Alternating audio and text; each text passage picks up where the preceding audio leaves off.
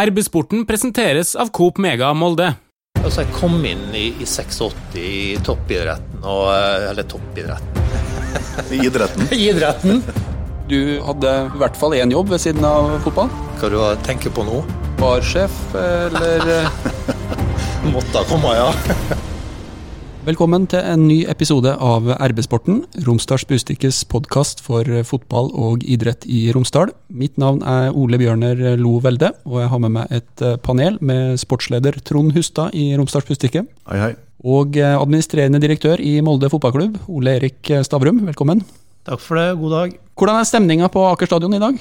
Den har vært ok hele tida. Vi skal innrømme at eh, på slutten, nå når vi ikke fikk lov å ha noe kontakt når det var sånn fem og fem og i, i sånn uh, veldig begrensa og opplina områder og sånn, så gikk det nok på slutten litt sånn utover at de ble litt lei av det. Så mandagen, når den uh, første treninga med kontakt var, så, så var guttene blide. De var jæklig på hugget, og det var, det var, kjempeartig å se. Så det var en god mandag. Så skulle vi trene på tirsdag. Den måtte vi avlyse. Og Da var det ikke så blid stemning igjen, for da var det så mye snø bare at den fikk vi ikke vekk. Først eh, så snakka vi korona i to måneder, og så fikk vi endelig snakke om været igjen. Det er ikke verst det heller. Eh, du sa at det var god stemning når man kunne begynne å trene med kontakt, men eh, var det sånn at dere frykta at noen kanskje skulle ha litt vel mye energi og klinke litt hardt til i de første duellene, eller? Ja, definitivt. Treninga var kort. Treninga var veldig sånn opplina at han og han var på lag, for vi veit jo hvem som takler hverandre.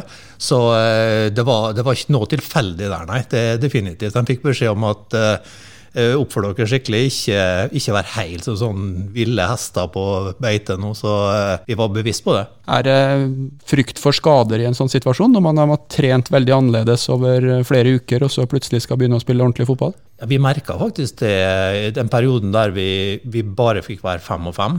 Når du er 20 stykker på en bane, så er du borti ballen x antall ganger i løpet av en trening. Er du fem og fem, så er du mange ganger mye mer borti ballen. Det ga litt slitasje og litt sånn uh, tendenser til litt strekker, litt småtteri. og når du da begynner på fullt på større områder og mer sånn igjen, så er det fare for skader igjen. Så der har Erling og medisinske teamet vært veldig bevisst på passe på at eh, overgangene begge veier her nå ble gjort skikkelig. Den her såkalte preseason er jo allerede veldig lang i Norge, men uh, nå da så er det begynner snart å nærme seg et halvt år siden sist det ble spilt en uh, tellende fotballkamp i, i norsk fotball? Jeg tror både vi som eh, er i fotballen, og folk som er glad i fotballen og kikker på fotballen, skjønner at nå har vi lyst til å komme i gang igjen. Og preseason i år har vært forferdelig lang. Vi syns det er utrolig ålreit å se enden på det her nå. At vi har fått en dato PT som er 16.6. Og eh, vi gleder oss til å få begynne på igjen i forhold til det. Det er fortsatt en del ting som er uklart hvordan det i eh, praksis skal gjennomføres, men eh, en eh, løsning som har vært lansert, er at det vil bli en del kall det interne kamper i Møre og Romsdal. Og hva tror vi om det, Trond? Jeg tror vel først og fremst at for de aller fleste så er det samme F hvem Molde spiller mot. Eh, disse første ukene der. fordi at nå har alle um, så lyst til å se fotballkamp, selv om det bare blir på uh, TV-skjermen i hvert fall fram til september. Så entusiasmen og gleden rundt dette jeg tror jeg vil være stor, selv om det, man skal spille mot Ålesund eller Kristiansund eller Rosenborg uh, kanskje to ganger også i løpet av kort tid. Men jeg vet jo at direktøren f.eks. Uh, ikke var blant dem som var mest fornøyd med, med det forslaget. Jeg jubla ikke. Det må jeg si. Eh, jeg syns det var et eh, dårlig forslag. For oss eh, i Molde så betyr det mye å spille akkurat de kampene mot de tre der, altså Ålesund, Rosenborg og KBK. Hvis du tenker liksom, altså Fotballen er til for publikum, og da ta vekk de tre storoppgjørene der for publikum, det syns vi er vi jubla ikke når vi fikk det, og så protesterte vi litt da, og nå håper vi at kanskje det endrer seg, iallfall at vi ikke vil bruke opp alle de tre godbitene med en gang. Så må vi også si at uh, med Rosenborg på Lerkendal uten publikum, KBK spesielt da, i Kristiansund uten publikum, der du slipper disse folket sittende oppå nakken i hagen til mutter'n, det er jo helt ok. altså, så uh, Det har litt fordeler, og det har uh, mye ulemper, syns vi. Jeg tror det du har helt rett i. Altså, Sportslig sett, hvis du skulle være kynisk, så burde du kanskje applaudere dette her og støtte det forslaget. fordi at statistisk sett så vil sjansen være større for full pott borte mot eh, Kristiansund og, Rosenborg hvis, eh, hvis, Molde slapp å møte motstanderen sin, eh, sitt publikum. For underholdninga sin del, for fotballen sin del, så er det klart at jeg er helt enig. Vi får håpe at noen av de kampene kan gå på Aker stadion etter 1.9. Ja, det, det, håper vi. og Vi så jo litt sånn, kanskje nå da, hvis de endrer seg reiserestriksjonene i Norge, og sånn at, eh, at det kan, eh, kan iallfall slippe å møte dem dobbeltkamper. Eh, det tror vi nok. For oss så har det ikke så stor betydning om, vi, om det er reiserestriksjoner, om vi setter oss i buss og kjører til Bergen eller Oslo for den saks skyld. Det er ikke så mye lenger, vi reiser jo dagen før allikevel, enn at vi skal sette oss opp og kjøre opp til Trondheim. Så liksom, argumentasjonen der er vi syns ikke helt den er bra. Og så tror jeg altså spillerne Det å få møte de klubbene her med full Aker stadion, det er en opplevelse. Det er en sånn drive. Det, det er kulere det enn å møte Mjøndalen og Tromsø, altså. Så det kunne vært en bedre løsning å ha litt sånn mindre attraktive kamper i starten når folk er sultefòra? Ja, det tror jeg absolutt. Men det er klart at eh, så må du kanskje snu også på det å si at eh, for TV-en så er det jo fantastisk. Altså få de godbitene nå til å begynne med. Etter at vi nå har slitt litt med å få i gang serien, så er det jo klart at uh, for Eurosport og Discovery sin del, så må det jo være utrolig bra å få en del sånne kamper til å begynne med. Og du, du får virkelig kickstarta serien. Det gjør du. Det å være direktør er jo også å være ansvarlig for eh, drifta av en eh, ikke ubetydelig eh, organisasjon. Hva oversikt har dere over økonomien, og hva slags konsekvenser frykter dere at det her får for klubben? Vi jobber jo med den økonomiske biten hver eneste dag. Den viktigste for oss som jobber i administrasjonen akkurat nå, å holde kontroll på den. Og da har du ei kostnadsside og ei inntektsside. Der vi, vi er usikre på inntektssida. Der ligger det mange uh, usikre moment. Uh, både liksom fra, fra medieinntekten, sponsor- og publikumsinntekten og hele den biten der. pluss at de regjeringspakkene har jo ikke helt truffet oss skikkelig ennå. Så der ligger det en usikkerhet. På kostnadssida så har vi liksom prøvd å spare på alt vi kan. Vi har blitt veldig bevisst på den biten. Tror også vi har vært veldig flinke i denne perioden her på kostnadssida. Slik at vi føler vel at vi har rimelig grei kontroll ennå, men vi vet jo ikke hva som treffer oss fremover. Det vet vi ikke. Det er såpass ærlig må vi være. En del andre klubber i Eliteserien som har snakka litt om uh, hvor mye penger man kanskje kan tape. Det er jo klubber som har vesentlig lavere budsjett enn Molde sitt, som påstår at det kan bli 10 eller 15 eller 20 millioner i minus. Er dette her taktiske utspill, eller er det realistiske eh, spådommer? For de andre klubbene vet ikke jeg, det kan ikke jeg uttale meg om. Altså, men eh, at det er millionbeløp som fort kan bli tapt, ja. Men det er jo derfor vi var så ivrige på å få i gang serien. For det er klart at eh, det vil bremse ned et potensielt tap ganske betydelig. Vi mener jo at får du i gang serien nå, får du gjennomført 30 serierunder, og da eh, er det liksom i forhold til de TV-pengene og mediepengene som ligger der, sponsorer og, del, og publikum og sånn, slik at vi iallfall får bremsa ned på ganske mye av det. Så håper vi også på at vi kan ha publikum etter hvert her, for det er jo en potensiell usikkerhet i forhold til hvor mye de får se, og hva tid de kommer inn og sånn det er snakk om, om, ganske store beløp. Og, og, vi som skal delta i Europa, og har jo også budsjettert inn Europa som en del av det her. Eh, nå håper vi at det også går i orden etter hvert. Men det vet jo heller ikke den usikkerhet i forhold til alle andre land. Når er de andre landene klare til å begynne å spille? Når får vi lov til å reise rundt og spille? Altså Potensielt kan du få et tall som du vil. Det Kan liksom gi både et fryktelig scenario og et, et mer ålreit scenario. Men av budsjettet deres da på 140 millioner, kanskje, hvor mange millioner i minus står det på det arket som du har laga regnestykket på, som ligger i, i skuffen på kontoret ditt nå, i worst case? Noen millioner. Dersom vi spoler et par måneder tilbake i tid, så var du nyansatt eh, direktør i Molde fotballklubb. Da var det veldig få som så de utfordringene som vi nå står i. Hvordan vil du beskrive dine første måneder på jobben, rett og slett? Jeg gikk jo først til tre måneders oppsigelse i banken. Når du begynner en ny jobb, så kommer du inn med en giv og en, en glød liksom at du skal gjøre sånn og sånn. og Hadde jo forberedt meg egentlig veldig godt på akkurat det. Jeg tror det tok fem minutter, og så skjønte jeg at det her var bare å å glemme. altså. Her må du bare sette deg inn i situasjonen med en gang og begynne å, å ta tak i de eh, sakene som detter i fanget ditt hele veien. Jeg var innkalt til sånn daglig ledermøte i, i norsk toppfotball liksom, eh, to timer etter jeg starta jobb og skulle ha en mening om pyrobøter og forskjellig. Skal jeg innrømme at det, det, det gikk fryktelig fort til å begynne med. Prøvd etter beste jeg kunne å, å lande det, det, det, meste jeg var borti. Eh, heldigvis har jeg utrolig mye flinke folk med meg på stadion som, som kan det her. De har jo vært der i en mannsalder, mange av dem. så jeg måtte lene meg veldig mye til dem, og fikk heldigvis mye støtte og, og hjelp fra dem jeg jobber sammen med. Eh, men det er klart, starten min ble nok eh, for det første litt mer sånn brutal enn jeg trodde. Og så skjedde jo ting etter to måneder som forandra hele hverdagen for, for, hele verden. Eh, så der er jo ikke vi alene. Der er jo ikke jeg alene og skal lede en, en bedrift som møter en sånn koronakrise. Der er jo stort sett hele verden med på.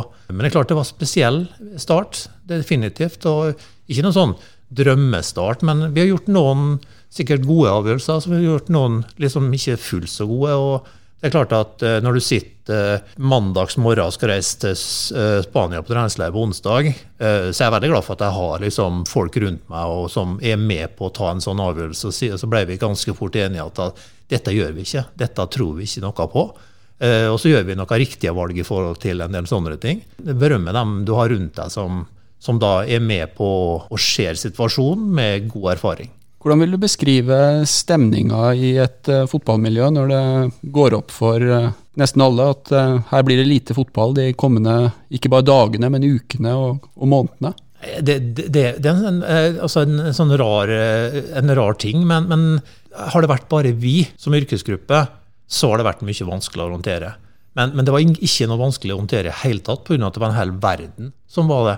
Og alle andre òg. Vi, vi, sitter jo her med mange meter mellom oss, og vi er blitt vant til det etter hvert. og Det er ikke noen spesiell situasjon for oss. Eh, og det tror jeg en, eh, gjør situasjonen veldig mye enklere for alle. at eh, Sånn er det bare.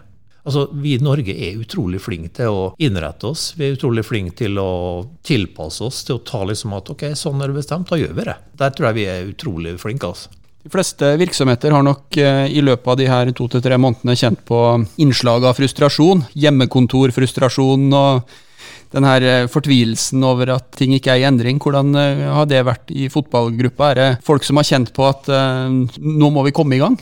Ja, definitivt. Den første perioden så, så var det jo mye sånn internt og i, i, norsk fotball i forhold til at det var noen som kom fra treningsleir i Spania som havna i karantene, og da bør alle andre i karantene. og Det var en sånn solidarisk eh, tankegang som, som, kanskje vi som da valgte å ikke dra nedover, syntes var litt merkelig. At vi skal innrette oss etter, etter alt det. Men jeg, jeg, tror liksom at folk eh, aksepterer ting etter hvert her. Så, så kommer det stegvis, heldigvis, tilbake. Først fikk vi jo ikke trene i hele tatt, og så fikk vi lov å trene individuelt, og så ble det fem og fem, og nå er det heldigvis eh, alle sammen igjen. Så det at de klarer å få tilbake og løsne opp og gjøre steg for steg, det tror jeg berger oss. Har vi ikke klart det, så har det vært mye tyngre. Nå er det én måned til det kanskje kan bli seriestart. Hvordan tror du den vil bli? Hva type sånn preseason er det vi kan oppleve nå i slutten av mai, begynnelsen av juni? Nå er det jo eh, Hvem skal vi spille treningskamper mot? Så begynte vi å tenke da liksom, ja, vi, hvis vi møter dem tre til å begynne med, så kan vi kanskje møte ja, Ranheim og Kongsvinger til treningskamp. Og så gikk det to minutter, og så nei, de er jo, ikke, de er jo ikke klare til å spille. Så begynte vi liksom, hvem kan vi møte ellers? Så planlegginga og, og, og tida framover nå er, er, vanskelig. altså Du må tenke helt på nytt, noe som ingen av oss har vært med på. Men så, ja, det går seg til. Vi må være kreative. Vi klarer å og gjør det, det gjør vi. Jeg har uttalt tidligere at vårt mål er at vi skal være like bra når vi går ut av koronakrisa som når vi gikk inn i koronakrisa. Vi var best når vi gikk inn. Det er jo en, en jobb vi alle sammen prøver å, å gjøre. Eh, jeg tror vi har en, en veldig god eh, spilletropp. Jeg tror vi er utrolig godt forberedt. Jeg tror vi har trena veldig, veldig bra den verdens lengste preseason. Jeg tror, jeg tror aldri de har sprunget så mye som, som, de har gjort uten ball, helt tilbake til når jeg holdt på på 80-tallet. Altså da, da, får vi nå sprang rundt museet. og Det er blitt litt sånn, sånn, sånn gamle dager og en del av treningene deres. Men eh, jeg tror at vi fremdeles er veldig godt forberedt på å starte serien 16.6. Så når Morten Pedersen i Dagbladet skriver at uh, Molde er den store taperen, så ser han med litt andre briller enn det, det du gjør? Ja, akkurat den skjønner jeg ikke. For uh, vi har hatt ro og fred. Vi har ikke stressa noe.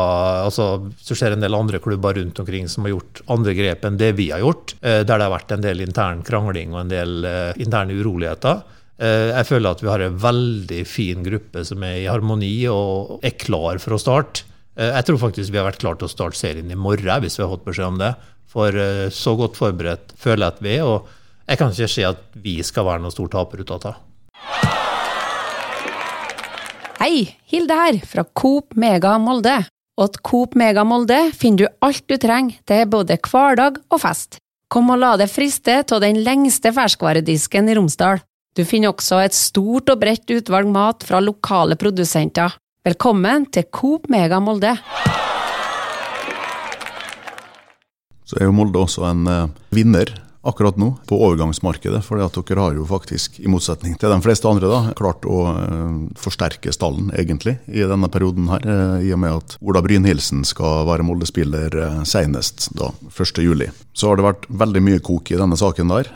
Ja, Ola Brynildsen er en spiller som vi har prøvd å få tak i siden desember, januar Altså desember 2018, januar 2019, så ett og et halvt år snart nå.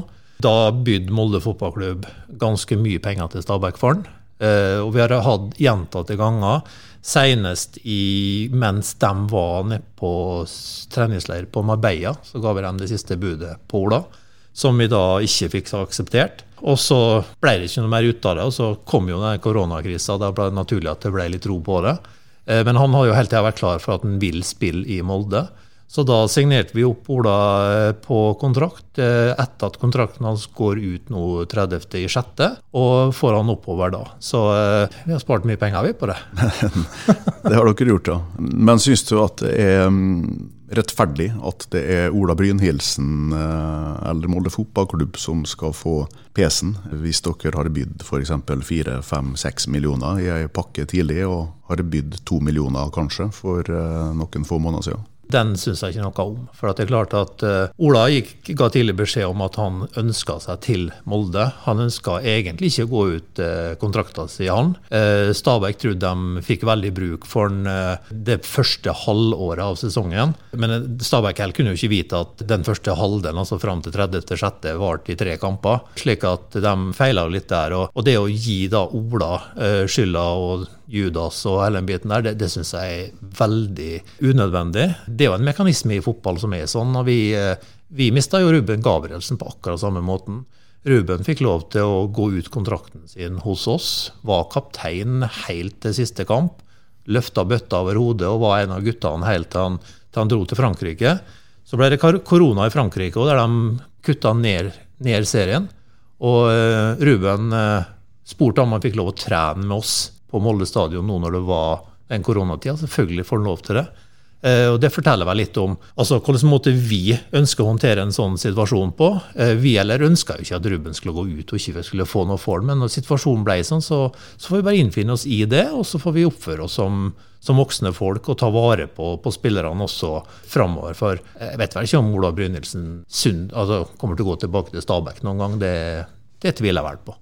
Hvordan tenker man som eh, fotballedere i forhold til eh, det attraktive spillere som begynner å nærme seg utløp på, på kontrakt? Altså Hvis du har en, en lovende unggutt som har igjen et år, og som du værer at det kan bli en sånn uh, situasjon med? Da får du full panikk. Det liker ikke en fotballeder. Definitivt ikke. Det er ikke økonomisk bærekraftig på oss på lang sikt. Altså. For klart, vi, vi lever av kjøp og salg av spillere.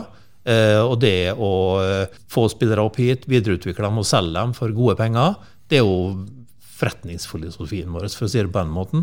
Og det er klart at eh, hvis det er flere og flere spillere som går ut og ikke vil få gjort det, så sliter vi. Tror du den emosjonelle delen av en sånn overgang blir sterkere for at dette er snakk om en spiller som har historia si i, i klubben? Altså For å snu litt på det, da, ville, hva ville Molde ha tenkt om å slippe en uh, Molde-gutt på, på denne måten?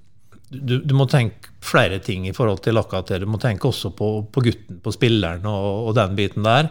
Eh, men det er klart at vi ønsker jo at ingen går ut av attraktive spillere går ut uten at vi får noe igjen for den. Det, det syns vi ikke noe om. Hvor god oversikt har du over kontraktsutløp på Aker stadion? Har du et sånt Excel-ark som uh, gir deg noen påminnelser på når, du begynner å nærme, når, det begynner å nærme seg tidspunkt for, uh, for å sette seg ned og forhandle igjen? Det skal jeg love deg, Ole Bjørner.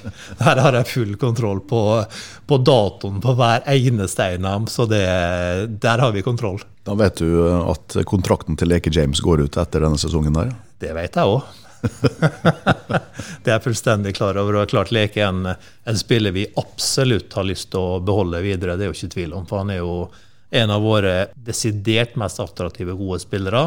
Så eh, det er en eh, dialog vi, vi har med han og, og agenten. Så får vi se hva vi eventuelt makter å gjøre i forhold til det. Da du eh, gikk inn eh, døra som eh, direktør på Aker stadion, så var jo det på ingen måte første gang at du var i klubben. Du har jo en lang historie som spiller og styremedlem, og kjenner klubben godt. Tenkte vi skulle bruke litt tid på din MFK-historie, Ole Erik. Du kan ta helt fra starten. Hvordan hadde det seg at du ble MFK-spiller?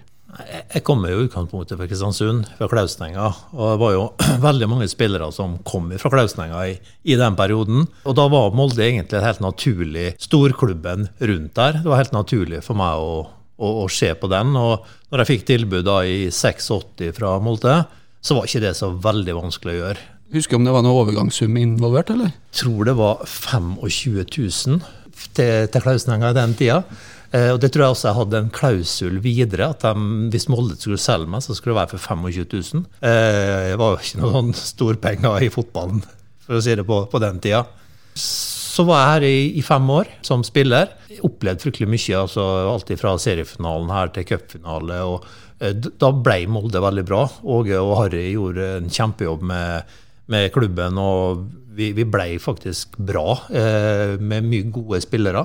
Etter 90-sesongen så gikk jeg til Brann og var der i fire år, før jeg kom tilbake hit igjen i, uh, i 95. Uh, godt tima rett etter cupfinalen jeg vant, da, slik at jeg fikk jo ikke være med på det heller. Jeg hadde bare åtte år som spiller her, og så når jeg var ferdig med det, så hadde jeg unger som uh, spilte fotball uh, og, ville være med, og da trener jeg guttelag og jentelag i Molde i 12-13 år og noe sånt. Og satt de siste åtte årene i, i styret i Molde, før jeg tiltrådte her den første, første nå i år. Så Eh, det har vært liksom en, en, veldig artig tid i en klubb som, som betyr veldig mye for meg. Definitivt.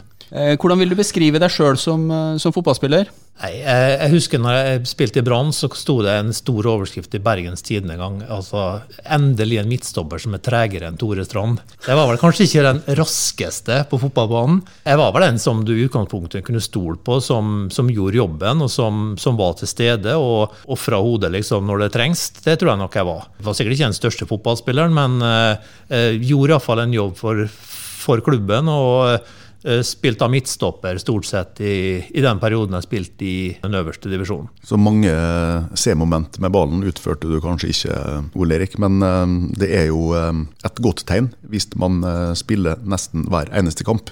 I forberedelsen her så har jeg kikka litt på, på lagoppstillingene og sånn i historien. Og du står jo i midtforsvaret i hver eneste, eneste seriekamp i, i flere år på rad. Ja, og Det var det Åge sa. Eh, jeg husker jeg snakka med en om akkurat det der. og sa han at Det var en av de første som ble tatt ut, for visste, han visste hva han fikk. Altså, det som du sier, Ikke noe sånn veldig sånn krumspring, men uh, han visste hva han fikk. og treng, Du trenger noen sånne spillere, og så trenger du noen fansmekere som, som, gjerne varierer og litt mer opp og ned, uh, for å komplettere et lag. Det, det tror jeg er viktig på den lista da, over eh, spillere som du eh, spilte på lag med eh, disse åra på slutten av, eh, av 80-tallet, der, så er det Ulrik Møller, Øyvind Leonardsen, Petter Belsvik, Jostein Flo, Øystein Næland, Trond Strande, Stein Olav Hestad, det er Jan Berg, det er Kjetil Rekdal, det er Åge Hareide. Det er jo egentlig ganske utrolig at dere ikke klarte å ta en eneste tittel.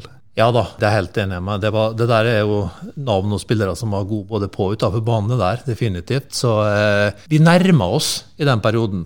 Ifra at Molde på begynnelsen av 80-tallet var litt opp og ned og en sånt eh, jojo-lag, så, eh, så befesta vi iallfall at vi var blant topplagene. Men, men, det endte opp med liksom sølvmedaljer og bronser og tapt cupfinale og sånn. Vi klarte ikke å ta det siste steget, og det, det gjenspeilte vel Molde egentlig helt til Ole Gunnar kom i 2011. Da klarte vi endelig å ta det, det siste steget inn for å bli et vinnerlag. Vi var sånn nestenlag i den perioden jeg var med. Du sier nærmer seg, men eh, stort nærmere enn det dere var i 1987 er det vel nesten ikke mulig å komme? 10.10.1987, jeg husker den ennå, en forferdelig dag. Da var vi gode. Da var det en keeper på Moss som fikk eh, rimelig høyt på børsen da, og, og var skylda for at vi ikke, vi ikke klarte det. Eh, rammen rundt det og, og, alt rundt hele den høsten egentlig, som som da avslutta med den kampen, var jo bare helt fantastisk. Eh, jeg tror vi har kommet til å vunne serien hvis det har vært nå. Fordi at da var vi Vi var kanskje ikke flinke nok til å ta liksom, den siste biten der. da. Vi var kanskje ikke forberedt på å ta det siste som, som gjorde at vi vant, dessverre. Avisproduksjon den gangen er jo ganske annerledes enn det det er i dag, men her på huset så var det jo nesten ferdigprodusert et uh, gullekstra for anledningen. Uh, var det litt stemninga i, i, gruppa også? Var det sånn at uh, kanskje innkasserte det her litt for tidlig? Nei, det, det, tror jeg ikke. Men det er klart det var jo bestilt bankett på Rådhussalen og sikkert gullfyrverkeri som kanskje ble flytta eller skifta ut i siste liten. Jeg tror nok det. Men jeg tror ikke vi tok det på forhånd. Det tror jeg ikke vi gjorde. Men det var, det var, en enorm skuffelse. Største du hadde som fotballspiller? Største skuffelsen, ja. Ja, definitivt. Det var en forferdelig dag. Hvordan vil du beskrive toppidretten eh, på slutten av 80-tallet sammenligna med det som du er en del av i dag? Jeg, var jo, altså jeg kom inn i, i 86 i toppidretten, og, eh, eller toppidretten I idretten? I idretten. Så blei vi faktisk altså De tolv årene jeg var med der, så, så, var det utrolig stor forskjell. Eh, og jeg tror hvis du snakka med, med Laffen og Åge som holdt på før meg, og så eh, var de enda verre enn det vi var. Det ble liksom eh, eh, mer og mer profesjonalitet i det på de årene jeg var med. Da var det liksom mye mer toppidrett når jeg gikk ut enn når jeg gikk inn, definitivt. Og så er det jo en himmelvid forskjell til i dag. Jeg syns ikke det er så fryktelig artig å se på sånne gamle klipp og videoer sånn når vi har spilt og så sammenligne med det vi har i dag. Det, det går tregt, altså. Det gjør det. Det er, det er en annen verden. Og sånn som de lever nå, og sånn som de både treningsmessig og ernæringsmessig og, og alt, den oppfølginga alt de har, det er jo en helt annen verden enn det, det vi hadde da. Sånn at profesjonaliteten er jo himmelvidt i forskjell. Da kan du bare tenke overfor, Hvis du har hatt den profesjonaliteten på den tida, tenk på Jan Berg. Hva god har ikke han vært? Hvis, hvis han har blitt tatt vare på. Hvis en del andre av de der som som Trond nevnte om nå blitt tatt skikkelig vare på, så, så har de jo vært eh, ja, de har spilt i ganske store ligaer. Altså. Det var mulig å ha en jobb ved siden av eh, fotballen òg på den tida, eller kanskje ikke bare mulig, det var nødvendig for mange. Eh, du hadde i hvert fall én jobb ved siden av fotball. Å, hva du tenker på nå? Barsjef, eller Måtte komme, ja. ja, det måtte jo komme, for det er jo sant. ja. Jo, det, vi hadde jo forskjellige jobber og, eh, og, sånn utenom, og en av de var bl.a. akkurat det. Har kanskje ikke gått i dag. Jeg gikk da. Ikke om jeg sa det så fryktelig høyt eh, til Åge som trener, det, det, vet jeg ikke om jeg gjorde, også, men eh, det stemmer, den. Det var jo eh, opptil flere Molde-spillere som eh, jobba i utebransjen i 1990. Det var det året jeg flytta til Molde. Jeg hadde min første spillejobb som pianoentertainer på Lucullus i 1990. Sånn at Ole Erik har faktisk vært sjefen min, for da var han barsjef der. Og jeg fikk 200 kroner med det, husker jeg, eh, hver onsdag. Og så var det gratis sånn Sinsano Bianco, av en eller annen grunn. Tydeligvis noe som det var veldig mye til overs av da, i barna som dere skulle bli kvitt? Jeg tror faktisk jeg gikk i minus på det uansett, altså. Men uh, det skjedde i hvert fall mye uh, artig på og utafor uh, banen den tida der. og det leder oss fram til at du i dag skal få tilbake fotballdrakta di, som du brukte når du spilte MFK-kamper, som jeg har tatt med meg her. Som jeg og du har prata om noen ganger før. Men nå har vi altså gjort en liten sånn detektivjobb for å få bekrefte at uh, den drakta som jeg sitter med her nå, det er faktisk Ole Erik eh, Stavrum sin. Det er en uh, shorts med uh, på. Så er det 1990-drakta, en Hummel-drakt med ekspertreklame. Det er Den norske bank som var hovedsponsor eh, den ene sesongen der, har vi funnet ut.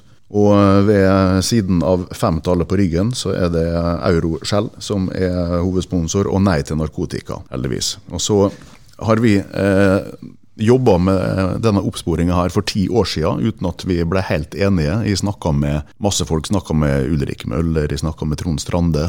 Prøvde å spore opp hva årstallet var. Vi var inne med Tore Monsen, materialforvalteren, som ikke var helt sikker. Til slutt så kom vi fram til at det sannsynligvis var drakta di. Og nå har vi intensivert den jobben litt. Vi har eh, prata med vår egen historieekspert på huset her, som har funnet bilder av det. Jan Inge Tomren, som har vært på Romsdalsmuseet og funnet bilder av det med denne drakta her. Så, uh, men, men, det var mens jeg spilte i drakta, ikke det? Mens du spilte, jo, ja. Jeg har jo brukt henne tre ganger da, eh, på disse 30 åra her. Jeg har hatt henne på meg to ganger på fotballtreninga til Romsdals Bustikke, Nordbyen skole. Og jeg hadde henne under blazeren i Akerhallen på 100-årsfesten i 2011. Ha, har vi noen teori om hvorfor du har den drakta? Det var det jeg tenkte du skulle forklare nå, for jeg er ikke helt sikker på hvordan den der havna i mitt eh, eierskap, annet enn at jeg har hatt henne i nesten 30 år. Jeg er nødt til å si det. det kan vel hende at den er blitt glemt av hjemme i pianobaren din på et nachspiel, Trond. Det, det kan jo fort skje. Det er iallfall den nærmeste teorien som, som jeg kommer på i farten. På en eller annen måte så har vi møttes, og så har du lagt fra deg den drakta, og så har jeg tatt vare på. Men eh, du skal få henne tilbake i, i dag, til odel og eie. Jeg håper jeg ikke er noe annet enn drakta.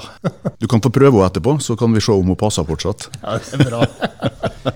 En eh, liten detalj for folk som er opptatt av fotballdrakter. Den er langarma. Var det, er det tilfeldig? Jeg spilte alltid lange armer. Det var pga. eh, at da kan du tørke svetten. Så det gjorde jeg konsekvent uansett hvor varmt det var. Og eh, jeg likte ikke å spille til korte armer. Det gjorde jeg, så det var alltid lang arm. Okay, sånn midtstoppertriks og brette opp armene når det trengs, liksom? Ja, det ser bra ut det, altså. Eller det gjorde jo ikke, det så jo ikke bra ut på den tida, da, men eh, det, vi trodde det var bra iallfall. Bra, men da er eh, draktmysteriet mer eller mindre løst, og eh, jeg har fått en forklaring på hvorfor Hustad en gang iblant på fotballtrening på eh, Nordbyen skole springer rundt med en eh, Molde-drakt fra begynnelsen av eh, 90-tallet. Eh, Jeg vil takke alle som eh, hørte på denne eh, episoden av RB-sporten, og til deg, Ole Erik Stavrum, for at du kom på besøk til oss. Og så ønsker jeg lykke til med sesongen. Takk for det, bare hyggelig. Hei sann! Her er jo Hilde fra Coop Mega Molde. Kom innom og la deg friste av den lengste ferskvaredisken i Romsdal. Velkommen til Coop Mega Molde.